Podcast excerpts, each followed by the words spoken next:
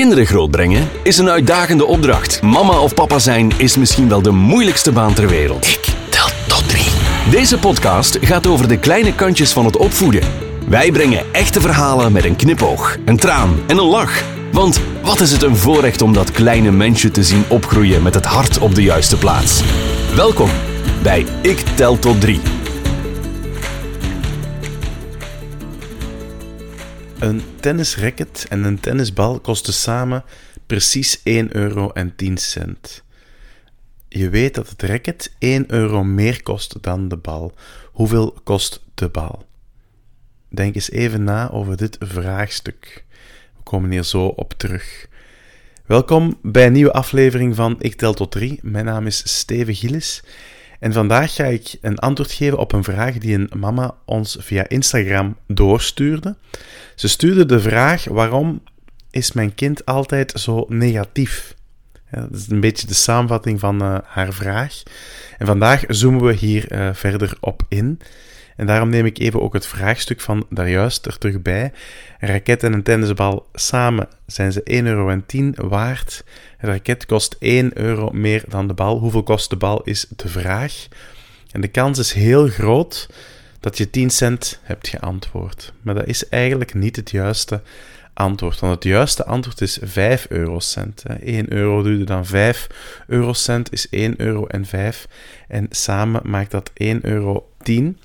Misschien denk je nu, nee, dat klopt wel, uh, mijn 10 cent, maar echt waar, het is niet het juiste antwoord. Hè. Um, je hersenen waren afgeleid hè, door een geconditioneerd wiskundig spoor. Hè, en dat is trek 1 euro af van 1,10 euro in die opgave. En dan weet je meteen dat 10 cent het juiste antwoord is. Maar dat blijkt dus niet te kloppen. Ook al liggen die sporen er in jouw hersenen. We weten dus dat beïnvloedende factoren een hele grote rol spelen in hoe we wiskundige vraagstukken oplossen, maar ook hoe we de wereld om ons begrijpen. Hè. We doen dat als volwassenen.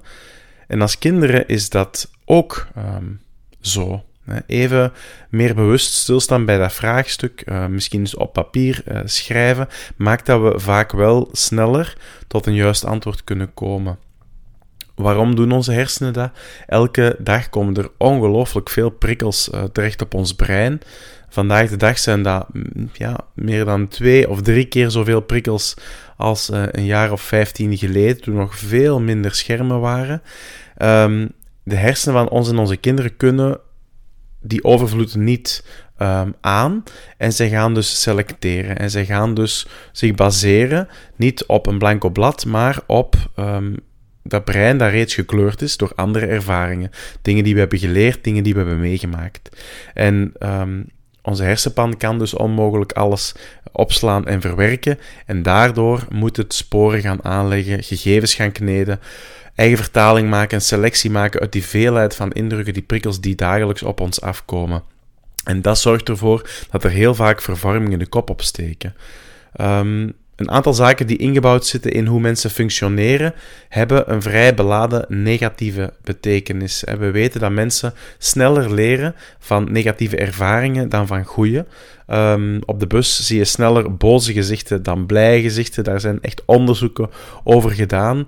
En dat komt eigenlijk omdat vroeger dat heel nuttig was. Hè. Jaren geleden um, moesten de oermensen vooral op hun hoede zijn en overleven. En gevaar spotten door aandacht te hebben voor dat negatieve, dat was toen nog uh, nuttig, omdat het overleven centraal stond. Eh, evolutionair gezien richten je hersenen, zou je kunnen zeggen, dus zich op bedreigingen en op potentieel gevaar, op het negatieve.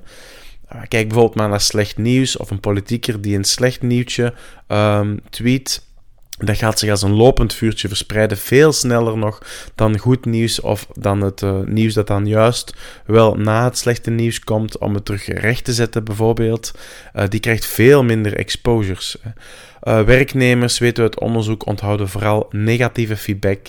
Um, ook als je evaluatie eigenlijk wel goed was, toch ga je de negatieve puntjes van kritiek onthouden. Um, pijn van het verlies van iets komt tot vier keer sterker binnen dan de vreugde die mensen uh, ervaren als ze wel iets krijgen. En dus samengevat, om op de vraag van mama in te haken, mensen neigen er dus van om meer gewicht op te hangen aan negatieve elementen van het leven. Um, dat staat als het ware op automatisch ingeprente piloot. Um, maar gelukkig zeg ik dat je ook wel actief aan de slag kan gaan met je kind, um, ook met jezelf als je dit soort zaken herkent, om echt tegenwicht te gaan bieden. Hè, door nieuwe wegen aan te gaan leggen in uh, je brein. En dan is er nog meer goed nieuws. Het duurt gemiddeld zo'n 60 tot 66 dagen, dus zo'n dikke twee maanden, om nieuwe sporen aan te leggen in uh, je hersenen. Dat is ook de tijd die je hersenen heel vaak nodig hebben om echt nieuwe gewoontes aan te leren of om bepaalde gewoontes uh, af te leren. Ik heb daarover ook een heel interessant uh, verhaal gevonden van een oude Cherokee en dat ga ik even vertellen als je dat goed vindt. Op een avond vertelde een oudere dappere Cherokee aan zijn kleinzijn, kleinzoon over een strijd die zich afspeelt in mensen. Hij zei: Mijn zoon, de strijd gaat tussen twee wolven die in elke mens zitten. De ene is het slechte. Het is woede, afgunst, jaloezie, verdriet, spijt, hebzucht, arrogantie, zelfmedelijden, schuldgevoel, wrok, minderwaardigheid, leugens, valse trots, superioriteit en ego. En die andere is het goede. Het is vreugde, vrede, hoop, sereniteit, nederigheid, vriendelijkheid, maar het is ook de wolf van de welwillendheid, empathie, vrijgevigheid, waarheid, het mededogen en het geloof. De kleinzoon dacht er even over na en vroeg toen aan zijn opa: En welke wolf wint dan de strijd? En de oude Cherokee antwoordde eenvoudig: Degene die je voedt. Dit verhaal vind ik eh, zeer mooi en zeer goed passen bij de boodschap die ik graag wil uh, geven. Namelijk probeer de juiste wolf te voeden ook uh, in de hersenen van je kind. En een van de manieren om echt actief aan de slag te gaan met het bestrijden van het negatieve is door bewust dat positieve te gaan opzoeken. En dat kan je bijvoorbeeld doen met het stellen van een uitzonderingsvraag. En zo'n uitzonderingsvraag gaat niet de focus leggen op het probleem of de moeilijkheid waar je kind mee worstelt of die je kind aan jou vertelt, maar gaat inzoomen op momenten dat het wel lukte. Want in die situaties vertellen namelijk uh, uh, kinderen wel uh, iets meer over hoe ze dat dan wel kunnen aanpakken of op welke kleine manier ze uh, toch wel alles anders hebben gedaan. En ze op zoek gaan naar uitzonderingen, lichtpuntjes, die je kind doen inzien dat het blijkbaar, ook al is het in de eerste plaats misschien nog een uitzondering, toch kan slagen in dingen die het aanvankelijk onmogelijk uh, had geacht. Je gaat een meer positieve focus aan je kind zo ook de boodschap geven: ik ga niet altijd mee in het doemdenken. Um, de werkelijkheid is misschien niet zo somber als je zelf nu denkt.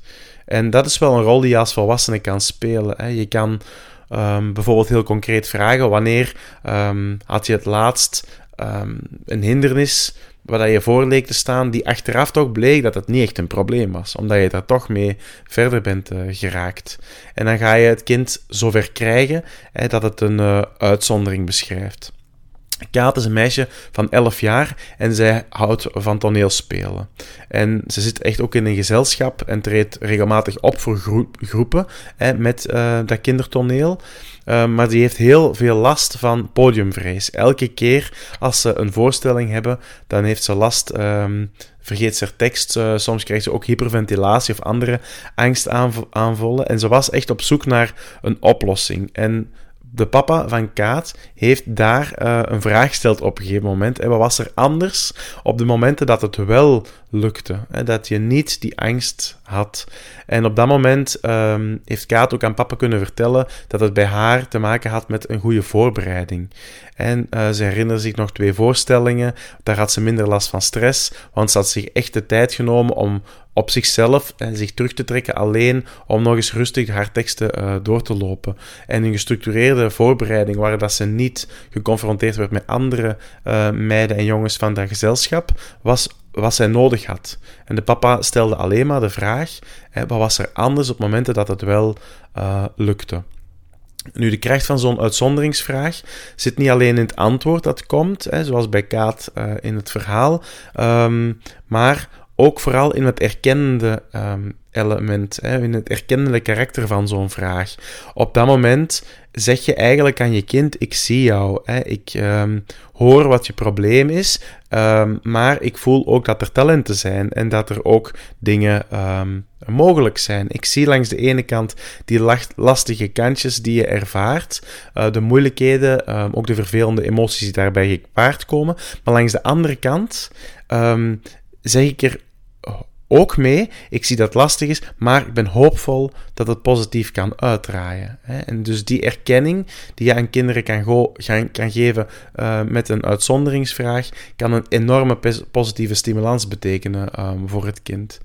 Voilà, hopelijk heb je uh, weer wat bijgeleerd vandaag. Het zou heel fijn zijn als je dat even laat weten in een uh, comment of een reactie. Vragen mag je ook nog altijd doorsturen. Tot een volgende, tot ik tel tot 3. Dit was Ik Tel Tot 3, de podcast over echt ouderschap. Abonneer je voor nieuwe afleveringen, reageer of stuur ons een berichtje op ikteltot3.be. Vergeet niet, je staat er niet alleen voor, want it takes a village to raise a child.